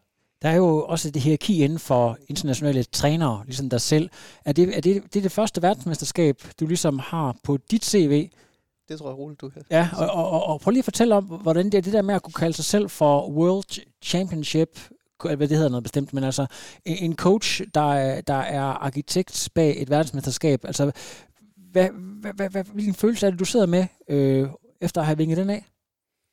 Mm, jeg ved ikke helt, om jeg, om jeg tænker på det som, at at jeg ligesom har vinget noget Nu skal vi droppe det der beskedenhed. Nu, nu, nu, øh, nu må du lige sige det, som det er. Altså. Nej, men jeg, jeg synes jo, selvfølgelig synes jeg, det, det er sindssygt fedt, at, ja. øh, at Christian vandt VM, og det er da også øh, kæmpe stort for mig. Men, men for mig, jeg tror jeg sådan som træner, øh, og, og med det træningsmiljø, vi har, hvis man ligesom, sådan som jeg ser på det, hvis man som træner ligesom skal bevise sig selv, så skal man også bevise over en årrække, at der ligesom bliver ved med at, at blive udviklet nogle, nogle udøvere, som kan nå det højeste niveau. Ja. Øh, man kan sige, øh, skulle man være øh, sådan kritisk, øh, så kunne man sige, at men Christian er bare en, en guldfuld. Ja. Øh, så, så det har egentlig ikke noget med, med mig at gøre. Og, og der kan man sige, det som... Var en abekat kunne have trænet ham til det verdensmesterskab. Jamen, ja. øh, altså... Og det er jo igen i bund og grund det her med hele tiden at, at vurdere nuancerne. Vi ved jo ikke, om, om, om det, jeg har lavet med Christian, det, øh, det er på trods af mig, at han vinder, eller om det er på grund af mig, ja. eller, eller hvilken blandingsforhold ja. vi ligger i der. Og det, og det der, hvor man kan sige, altså rigtig dygtige trænere, også hvis vi snakker internationalt på, på allerhøjeste niveau, jamen, så er det jo nogen, som konsistent kan få udøver op på det højeste niveau. Øh, så, så på den måde kan man sige, at der har jeg stadigvæk lang vej nu. Præcis. Og så skal jeg lige spørge dig, Christian, her til sidste spørgsmål, så går vi over til, så kan I lige sidde og tænke over, hvad I skal byde ind med her. Det er altså, vi tager sådan en ren, øh, hvad kan man sige, historikken, øh, sindballe. Det er Sandvang, som vandt tre gange i streg, Helle Frederiksen, Camilla Pedersen, en der hedder Susanne Nielsen, som var en kæmpe stjerne tilbage i 90'erne. Det er alle de største, og du kommer til at stå ligegyldigt, om du brækker begge ben i morgen og aldrig kommer til at kigge ind, så, så forbliver du med at være verdensmester. Samtidig så er der selvfølgelig også en hel stribe af andre legender. How does it feel? Jeg er simpelthen nødt til at spørge. Øh, ja, altså, det, det kan jeg måske næsten ikke engang altså, svare dig på. Ikke fordi, at øh, jeg er sådan ved at øh, øh, flyde over af begejstring og sådan, men øh, jeg tror, jeg er sådan delt. Altså, ja. jeg har virkelig meget lyst til at øh, hive armene i vejret og råbe ja. et eller andet vildt. Øhm, og så samtidig så så står der en eller anden lille djævel på min skulder, der siger, ja ja, men det er jo heller ikke Hawaii. Jamen det, det, det gjorde det også på mig. Jeg havde lyst ja. til at skrive, altså, tillykke Christian, hvor du mega sej, så, skrev, så, så bare havde lyst til at skrive, I call average i bunden. Der var et eller andet, men jeg gjorde det så ikke. Så det kunne jeg alligevel ikke. Men, øh, men øh, er, er det også måske det der, hvad kan man sige, det kan du måske også svare med på Torben, det der gør Christian så god, det der med, at, at når man har opnået noget, så kigger man altid lige lidt, lidt videre, eller man sådan, jeg ved ikke om, om det måske er særligt for Christian, eller en særlig dansk ting, det der med, at, at vi helst ikke vil, du ved, gøre for meget væsen ud af det? Ja, jeg tror, det, det er nok lidt en blanding, ja. øh, fordi at vi, vi er jo netop også gode til øh, hurtigt, kan man sige, at, og, øh, og, og begynde at tænke på, om det var også fordi, at der var heller ikke så mange andre gode, der stillede op i Almer, eller det var også fordi, at løberuten var for kort, og der var medvind på cykelruten, og Nutella i, i, i feltrationen. Ja, ja, ja, det var, det var one-off, det var heldigt. Altså, øhm, og jeg tror da helt sikkert, som du siger, at det er det, der også er kendetegnende for mange eliteudøvere på det højeste niveau, at man ligesom meget hurtigt kigger så i virkeligheden frem mod endnu større mål. Ja. Øhm, og det kan jo så samtidig også ligesom være en hemsko, fordi at, at man kan ja, ikke nyde sine sejre nok, eller, øh, eller man kan hurtigt igen blive i tvivl om, hvorvidt at, at man nu er god nok, selvom at man måske for to år siden vandt et verdensmesterskab. Øhm, men altså, jeg tror jo, jeg tror jo i bund og grund, så tænker jeg, at, at der er nok ikke nogen af mig og Christian, der er i tvivl om, at, at nu, nu skal han kunne gøre det konsistent og, og, og vinde, kan man sige, endnu større stævner. Og, og jeg tror da heller ikke, at man sådan som langdistance triatlet kan øh, forlige sig med, at nu er man færdig, før man, man synes, man sådan for alvor har, har givet Hawaii et skud, og, og måske også flere skud. Øh, og, og Christian har kun været over en enkelt gang som, som, som pro. Øh, så, så jeg tænker, at, øh, at Monik han, han har lyst til at give det nogle flere skud. Og, og så er der jo mange andre spændende race også, øh, som, som også kunne være rigtig store vind. Fedt. Vi øh, kigger lige ud over forsamlingen her. Jeg løfter lige lidt på her, så jeg kan høre, er der nogen, der sidder derude med øh, et spørgsmål til Torben eller Christian? Og jeg skal nok gentage det, så det kommer ind i mikrofonen her. Ja, der kommer øh, Ole. Fokus gennem øh, 7,5 time. Fokus gennem ræset, hører vi fra Ole. Øh, ja, jeg tror, i ræs tror jeg faktisk, jeg er ekstremt meget til stede sådan i øjeblikket. Øhm, ikke sådan tænker for meget frem, men det handler lidt mere om, hvad, hvad jeg har gang i. Øhm, prøver, jeg ved ikke, om jeg hele tiden holder hovedet sådan beskæftiget, men prøver at tænke, om jeg kan gøre et eller andet nu, der gør, at jeg sætter mig selv i en bedre position om nogle timer. Det kunne være, at øh, jamen, hele tiden prøve at sørge for, hvornår kan jeg, skal jeg mærke efter, om jeg skal køles ned, eller skal jeg have noget mere at drikke, øh, skal jeg have noget energi ned, øh, og hvordan har jeg det, og øh, jamen, så måske, ja, prøve at tænke lidt... Øh, jeg kendte ruten rimelig godt, og vidste, hvordan vinden lå og sådan noget, og hvornår måske jeg skulle prøve at øh, gå i front og tage føringer, når vi ikke havde vinden lige i, i face for eksempel, øh, og fik den lidt fra siden, så var det der, jeg gik frem og, og tage, tog føringer for at prøve at... Så ville han ligesom få mindre ud af at sidde på jul, men han ville stadigvæk føle, at jeg bidrog til festen.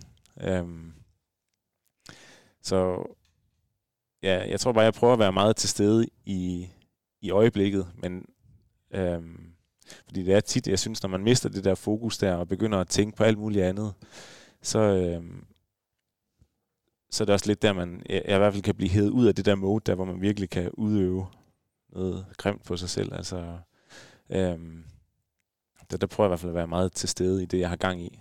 Øh, ja, hvis det er overhovedet ret svar på.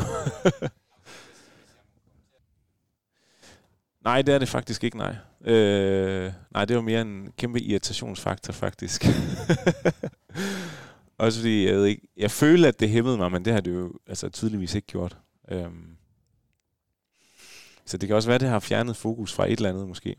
Fordi jeg løb, jeg løb for eksempel og snakkede med Jesper der de første to runder, de gik virkelig stærkt. Øhm, og det, det fjernede, der følte jeg jo så faktisk ikke, at jeg var i gang med et race, men mere, at vi var ude på en, en hyggetur, og og det fjernede så fokus egentlig. Og der, da der begyndte at gå lidt race i den, der havde jeg det så virkelig, virkelig godt. Ja. Hvis jeg også må byde ind på den, så tror jeg også, at det er en af de ting, som Christian er rigtig god til. Altså, at når der først er race og, og, og på Ironman-distancen, så er der nok mange, der vil være tilbøjelige til undervejs at få lidt ondt af sig selv.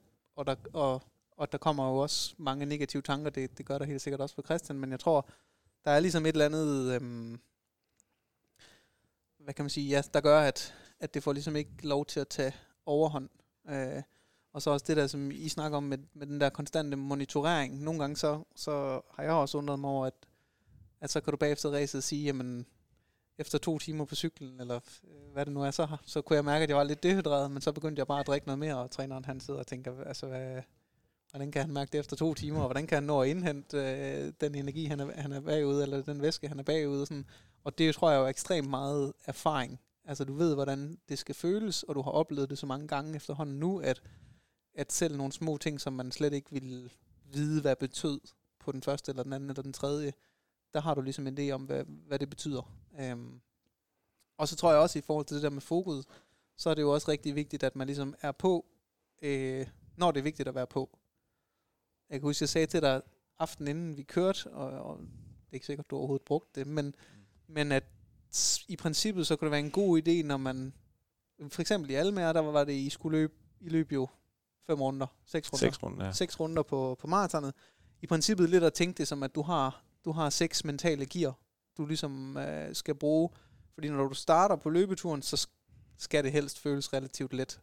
Så der skal man måske også tænke over, at man ikke allerede der bruger en masse mental energi på at holde den kørende. Du er måske i første gear.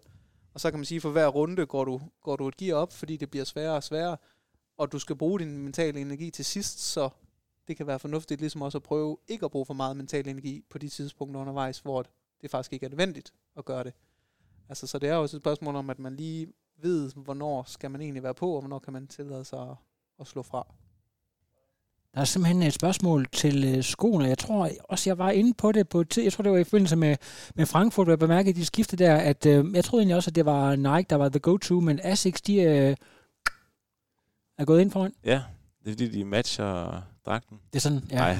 Øhm, øh, ja, altså, jeg har jo... De er lige så hurtige, er det ikke det, der er det korte svar? jo, altså, de, de er lige så hurtige egentlig, hvad var en meget uvidenskabelig test, jeg lavede øh, øh, nogle dage inden Frankfurt. Øhm, og det var sådan lidt en blanding af, af lidt forskellige sådan, måleparametre og så bare generelt feel. Øhm, eller de føles faktisk, de føles gode at løbe i, mm. men de føles ikke lige så de føles ikke lige så hurtige, men det gik lige så hurtigt. Mm. Og så var jeg sådan, jamen, så prøver jeg at løbe i dem. Jeg har lige et øh, opfølgende spørgsmål i forbindelse med, at jeg talte med øh, Tobias, der blev tre ude i øh, Herning, fordi han har i en periode været Hoka sponsoreret, og han var simpelthen øh, ganske kort efter droppet det sponsorat, fordi at det var videnskabeligt bevist, at Nike sko var en del hurtigere. Nu er du jo øh, BMC Sky, og I får nogle meget, meget fine produkter, men er der nogle af de ting, som du ved, altså det er simpelthen øh, sort på hvidt, at de ting, I skal repræsentere her, det er ikke det hurtigste produkt på markedet, men det er I simpelthen nødt til at gå på kompromis med. Det er jo sådan en, øh, et, et, et, et typisk øh, Michael Rasmussen-dilemma der, hvor, hvor, altså, hvor man er nødt til at køre på noget, som ikke er det hurtigste af sponsorhensyn. Og er det noget, du, du oplever? Mm, jamen, det kan jeg jo ikke sidde og sige, men... Øh ikke godt, men du kan jo ikke sige, får... hvad det er, men, men du nej, nej. om du, om du ja, kender ja. til det. Jo, jo, jo, jamen, jeg går ekstremt meget op i det. Ja, ja så selvfølgelig gør jeg det. Ja. Og, og bare lige for at spille videre på den der med skoen der. Mm. Altså, jeg tror ikke, det er ikke så sort på hvidt, du kan sige. Det kan godt, altså, ham, Tobias, han ved det reelt set ikke, før han har været i et lab og teste. Altså, der kan sagtens være en, der løber meget kant hurtigere i Hoka, end han ja. gør i en Nike-sko. Det er det er også det, man begynder at se med alle de studier, der kommer, at der er faktisk kæmpe stor individuel variation i, hvad for en sko, der er. Ja, jeg, jeg har læst noget med, at det er mellem 2 og 7 procent eller sådan noget, afhængig af sko og atlet, at det, at det kan variere i forhold til, hvor meget man, man har ud af den. Ja, jeg ved det i hvert fald, det der Nike lavede for, for mange år efterhånden, der var det jo bare gennemsnit 4 procent, den ja. gjorde en bedre, så der var nogen, der var under, og nogen, der var Lige over. præcis, ja. lige præcis. Øhm, ja. Der er lige kommet et nyt studie. Øhm, på sko, og der er det faktisk Alphafly, Vaporfly, og så Asicsen, som, som Christian løb i, og som, som Blumenfeldt ja. løb i til OL. I den de, de tre sko er, er lige altså, hurtige, kan man sige. Ja. De ligger inden for en forbedring i din løbeøkonomi på, på 2-3 procent. Og så er der ja, en række andre sko, som sådan ligger lige lidt under, og så er der en masse sko, som ligger noget under. Men jeg tror, det er en god pointe det her med, at det er meget individuelt, fordi det kommer nok også rigtig meget ind på præcis, hvordan man løber. Altså, hvad er ens løbestil, men også, hvordan er ens højde og drøjde, i forhold til, har man bedre af en sko, der er lidt, altså, der er måske mere blød end andre, eller har man bedre af en lidt mere fast og, og lidt mere kontant sko, som, som Asicsen nok er kontra kontra ja, nogle af Nike-skoene. Ja. Og så vil jeg også sige, nu havde jeg også, altså nu var jeg ikke lige den bedste sæson, jeg havde i 2020, og i 12 så gik det heller ikke vildt godt, men der er alle, sammen, alle gange løbet i, i Alpha Flyen. og så gik det vildt godt i uh, Frankfurt, så nu kan jeg ikke uh, løbe Nej, i... præcis, der er noget... Ja, uh, ja. ja præcis. Det er, men er det egentlig noget, det der med at være, man snakker meget om, at, at cykelsportsfolk er meget, meget overtroiske, det der med, at hvis der er en bestemt rytme, der virker, at man øh, kommer på toilettet på det helt rigtige tidspunkt og får spist nøjagtigt den rigtige kombination af, af carboloading osv. Er det, er det noget, du bruger meget, det der med at være meget klinisk omkring dine, de ting, du gør? Så vidt muligt. Mm. Ja, og så har jeg også bare efterhånden fundet ud af, at det betyder ikke så meget. Altså, jeg havde en periode, øhm, jamen, for, altså, hvor, hvor det er gået rigtig godt, hvor jeg for eksempel hver morgen har fået, så har fået ris og æg, ja. for eksempel. Øhm, og det kunne jeg så ikke øh, få i Frankfurt for eksempel. Så der gik jeg tilbage og spiste noget af det, jeg havde spist for mange, mange år siden, hvor jeg bare spiste noget brød med Nutella og ja. noget øh, marmelade og sådan noget. Det gik jo helt vildt godt. Ja. Så, så, så jeg tror ærligt talt ikke, og altså alle de der ting der betyder mindre og mindre for mig. Også, øh, Næste gang, lakridspiber og Faxe Kondi Booster. Ja, jeg tror, at måske de, de gange, hvor jeg har kørt allerbedst, der har jeg sovet maks to timer ja. dagen inden. Og, øh, ja, da jeg kørte i 12, så tror jeg, at sovsen udmærket dagen inden. Så det, ja, det, ja, det, er, det, er, det er ikke altid, at tingene de behøver at gå perfekt, for nej, at, at det lykkes. Er der andre derude? I sidder her på forrest, I sidder en masse spørgsmål, kan jeg se, men jeg tør ikke stille dem. Uh, skal du gentage spørgsmålet? Ja, jeg gentager ja. lige spørgsmålet for, for folk, der sidder og hører med, fordi jeg, jeg slutter ikke så højt her. Der blev simpelthen spurgt ind til, lad os sige, at du havde uh, taget Ironman Copenhagen med i den der stribe af konkurrencer, du har kørt.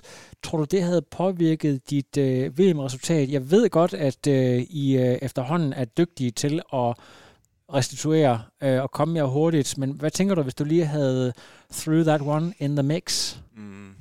Altså skal jeg lige rømme, dengang jeg så Torben på løberuten i København, der var jeg lige, måske lige ved at give ham et kvælertag, i stedet for at give ham hånden. Øhm, for der kunne jeg virkelig godt have tænkt mig at køre derover. Ja. Øhm, også den måde, racet udviklede sig på. Og, øhm, og ja, også bare generelt øh, dagene efter. Og sådan. Men det tror jeg også, det gav mig nok egentlig bare lidt brænde på bålet til at køre ned i Almere. Ja, ja. Men altså, jeg har også sagt til Torben efterfølgende, at jeg er glad for, at han talte mig fra at køre i København. Øhm, for jeg har spurgt ham rigtig mange gange. Øhm, og har også øh, øh, spurgt ham også, øh, faktisk øh, fredag, to dage inden race, om jeg skulle tage bilen hjem og hente cyklen, og så kunne jeg jo stadigvæk godt nå at køre. Øhm, ja, det gjorde så af god grund ikke, men øh, jeg tror, at det var nok meget godt. Øh, om, om det stadigvæk ville have gået godt i alle, men det går nok svært at sige. Nu tror jeg, at racet endte med at blive så tæt, at, at, øhm, at det så nok ikke var faldet ud til min fordel. Øhm, fordi det krævede, at ja, jeg lige havde de sidste par procent der, de var nok blevet hævet ud af kroppen, hvis jeg havde kørt derover. Ja. Fedt, mand. Ja, så kommer jeg her. Der bliver spurgt ind til den mentale del, og hvad er sådan øh, konkret, altså der findes jo mental coaches og så videre, om det er noget, du sådan helt specifikt har koblet på, eller at det er samtaler med Torben, der ligesom gør det ud for, for de issues, der nu er?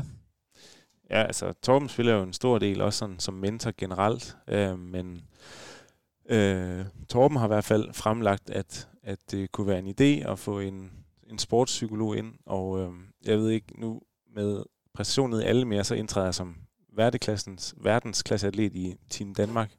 Så det måske også kan give nogle øh, fordele i at kunne drage nytte af nogle af deres eksperter. Så det er i hvert fald... Øh, Lad os lige få dem med her. Ja. Verdensklasseatlet, det er... Øh, hvad, hvad, konkret i forhold til den status, du havde før, udover at der måske kommer lidt flere penge, hvad, hvad, hvad kommer der mere til?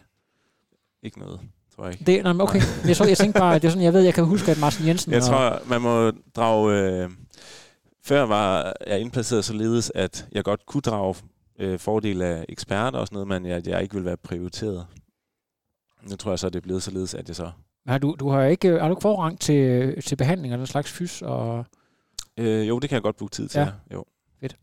Jamen, det er, man, man, man selv øh, med, ikke? Ja, men jo, det er klart øh, et område, der kunne være meget interessant at gå lidt mere ind på. Også bare sådan, øh, måske helt generelt i, i hverdagen, og det her med sådan generelt, tænker sådan en life stress, som også godt kan påvirke øh, sådan det overall, fordi jeg tror, man skal se hele ens sådan, øh, træningsloadet spiller også sammen med ens øh, life stress ved siden af, det giver et eller andet samlet load, så hvis man kan minimere det ene ved at ikke at bruge en masse kræfter på at altså, tænker over en masse de ting, man måske nogle gange går og bøvler med, og det kan være, hver gang man åbner øh, Instagram, så bliver man øh, nogle gange lidt glad, og så nogle gange bliver man også lidt irriteret og lidt øh, ked af det, eller et eller andet. Hvis man kan få sorteret mange af de der negative tanker væk, så tror jeg, det kunne gøre rigtig meget. Lad os lige, øh, lad os lige igen slå ned på den der, hvad, øh, du skal ikke øh, nævne navn, men hvad kan, hvad kan irritere dig, hvad kan stresse dig, når det går rigtig godt for andre, eller når der er noget, du rigtig gerne vil have gjort, hvad, altså, jeg tror, alle kender følelsen. Altså, Instagram er jo designet til misundelse. Ja, ja, ja. Øhm, det ved jeg ikke. Øhm, hvis man bare lige... Øh, ved jeg ikke, haft nogle dårlige træningspas eller et eller andet, og så man ser, at der er nogen, der nailer den, og man ved, at man skal køre mod dem om et par uger eller et eller andet. Ja. Eller, jeg ved, der er nogen, øh, for eksempel øh, øh, Københavner-drengene, der simpelthen bevidst er gået ud af den der, gået ud af, af nogle af de her sociale medier, Strava og sådan nogle ting der, for ligesom at holde snuden i sporet. Men det er selvfølgelig også altid lidt sjovt at, at følge med. Har du nogle gange overvejet bare at smide det hele ud til højre? Jeg ved, at du nogle gange er, er helt hoppet af, hvis du er rigtig øh, enten fokuseret, eller det ikke lige kører, som du gerne vil. Øhm, altså det der med simpelthen at hoppe af det ræs en gang imellem. Øh, ja, altså jeg tror jo sådan, af gode grunde kan jeg jo ikke hoppe af Instagram for eksempel. Nej, det er, det er jo selvfølgelig det er på grund af kontrakter og så videre. Ja, og bare gen, altså, det vil bare generelt være dumt karrieremæssigt. Ja, ja. karrieremæssigt hierarki. Øh, ja, fuldstændig. Øh, øh, jeg har ikke været så meget på Strava. Jeg har nogle gange været inde og følge lidt med sådan ja. generelt. Men, men og jeg, jeg har igen lige et follow-up spørgsmål. Nu har du så fået en manager, en, en, en sjællandsk en af slagsen fra den navnkundige Grønbæk familie. Betyder det så, at han har overtaget din account, og ligesom når, når det så øh, spidser til, så er det ham, der i dagene op til og efter sidder og styrer hele det der gameshow? Ikke nu. Altså måske, jeg tror, jeg ved ikke, jeg er i hvert fald ikke kæmpe, selv kæmpe fan af de der meget, øh, øh, kan man sige... Øh, Designet måske, eller? Ja, hvor at, øh, man godt ved, at det ikke er personen bag, der sidder bag accounten. Øh, så kan jeg måske bedre lide dem, der føles lidt mere naturlige, men på den anden, altså samtidig så er jeg så også en, der måske ikke øh, deler allermest ud, så det er sådan, sidder lidt mellem to stole på det punkt. Så, men altså, det, øh, det tænker jeg, man kan lære, hvis man får lagt en god strategi, så det er måske mere sådan noget, han nok skal hjælpe mig med på sigt. Det er ja. stadigvæk i sin meget spæde start, det her med ham, så der er ikke, der er ikke uh, lavet noget konkret endnu overhovedet på nogen måder. Nej. Alligevel, fantastisk. Hvad skal vi se, om der er nogen her, der sidder og kigger? Louise, du sidder dernede og tænker, hvad skal du spørge om? Hvad skal du spørge om? Hvornår skal han vaske tøj? Ja, bare vent. Ja, så har vi... Uh, jo. Øh, Torben, gal genial, ja. Et Kom sted øh, midt imellem. Altså, jeg synes, øh, sådan over årene har vi fået, det er måske det, jeg vil kalde et sådan godt samarbejde, øhm, øhm, hvor at vi drager fordel af, at vi er to hoveder og ikke et.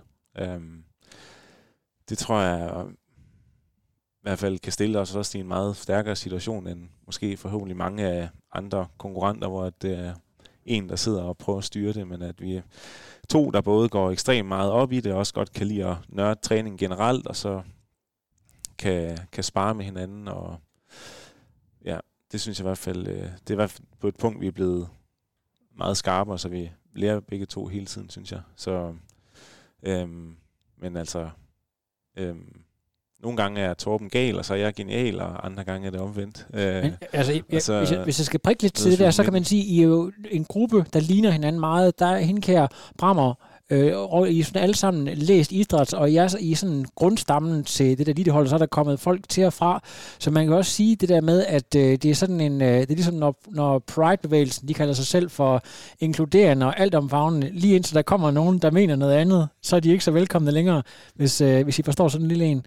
Så altså, øh, altså hvis, jamen, jamen, øh, jamen, er det ikke rigtigt? Altså, kan, kunne man godt, altså, kan man sige, sige det der med, at, øh, at det har, det har sådan kørt i olie, fordi at i forvejen lignede hinanden rigtig meget, i stedet for at, at der kom folk sådan fra alle steder af alle verdens hjørner, og, og, og ligesom skulle passe ind?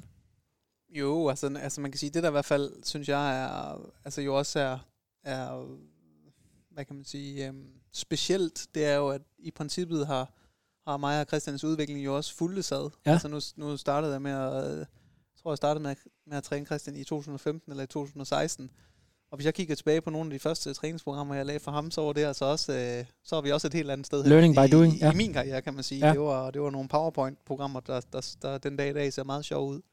Øhm, og, og, og er lidt mærkelig. Øhm, så man kan sige, at vi er jo sådan set fuldtes ad øh, på, på, øh, på den her øh, vej, kan man sige, fra ja, sådan set novice til, ja. forhåbentlig og det var godt, du ikke sagde rejse. Jeg var lige ved at tro, at ordet det skulle, åh, det skulle indgå på min podcast, så var jeg til at klippe det ud. Så simpelthen ikke have det. Og det er fantastisk. Men, altså, øh, men ja, det var også bare for netop at sige, at, at vi har jo, vi er jo egentlig, vi, er jo, vi har jo udviklet os sammen.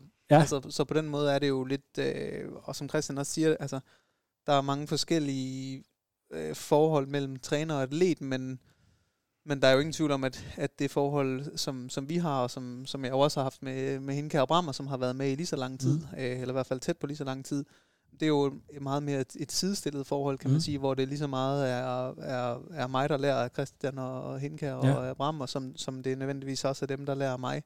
Altså, og, og, og jeg vil jo også sige, at når vi ligger programmer, nu har jeg lige siddet med Hinka i dag og snakket omkring øh, den periode, han skal have frem mod Mallorca, altså så er det jo, altså, så er det jo netop fordi, vi er flere hoveder, øh, som forhåbentlig er nogenlunde fornuftige, og så, så øh, når vi vender tingene sammen, så, så bliver det den bedste plan, øh, frem for at, at jeg sidder og tænker, at jeg har øh, kun alle de rigtige svar, så tror jeg slet ikke, det vil blive lige så godt. Christian, betyder det noget for dig, at det ikke er sådan en 65-årig øh, Yoda-type, men en, der sådan er basically jævnaldrende med dig selv?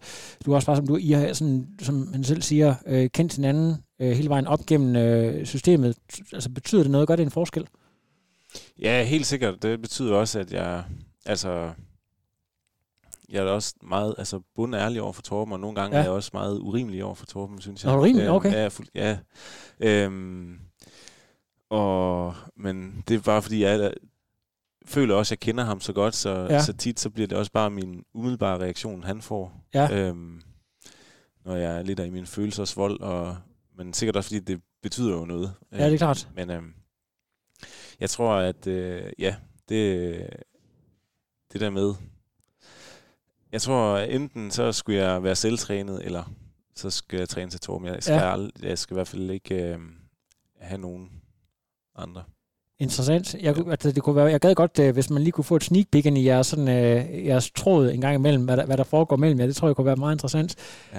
det, er der, ja, det, synes jeg jo egentlig, det, er jo, det synes jeg jo egentlig også, at det er vigtigt altid at huske, og det er også det, jeg nogle gange prøver at, i princippet at huske Christian på, at altså husk, hvor det lige er, at i, ja, i princippet vi kommer fra. Øh, altså, og netop kigge tilbage i, i, hvad Christian har skrevet i 2016, da han gerne vil på Superelite-holdet. Altså, fordi vi er så, det er så nemt hurtigt at glemme, og så bare tænke på, øh, øh vi skal vinde større og, og vildere ting, og, øh, og selvfølgelig især også i de perioder, hvor det, hvor det ikke går så godt, øh, så skal man også lige huske sig selv på, når jamen, men vi er jo faktisk allerede nået rigtig langt, og det er jo ikke fordi, man ikke skal turde tro på, at man kan nå længere, men, men mere, øh, at man skal også lige huske, fordi det er meget nemt at glemme, hvor langt man egentlig allerede er kommet. Fordi øh, at, altså, som elite så kigger man næsten altid fremad. Og, og det, ja, det skal man bare huske også at gøre. Fantastisk. Øh, og, og, øh, og derfor kan man sige, det som, som de fleste ser, det er jo også alle de, de gange, hvor det er gået rigtig godt. Altså der har jo også været mange perioder, hvor det har været pisse svært, og hvor jeg tror, vi begge to har gået og været, været lidt træt af hinanden, og, men altså heldigvis kan man sige, at har vi ikke ødelagt, ødelagt hinanden helt, fordi så havde det nok ikke kunne lade sig gøre, hvad der skete i weekenden. Så altså, det, det går jo trods alt fremad. He's made by all the days that you don't see. Rigtigt, det sagde med Jan Rønne.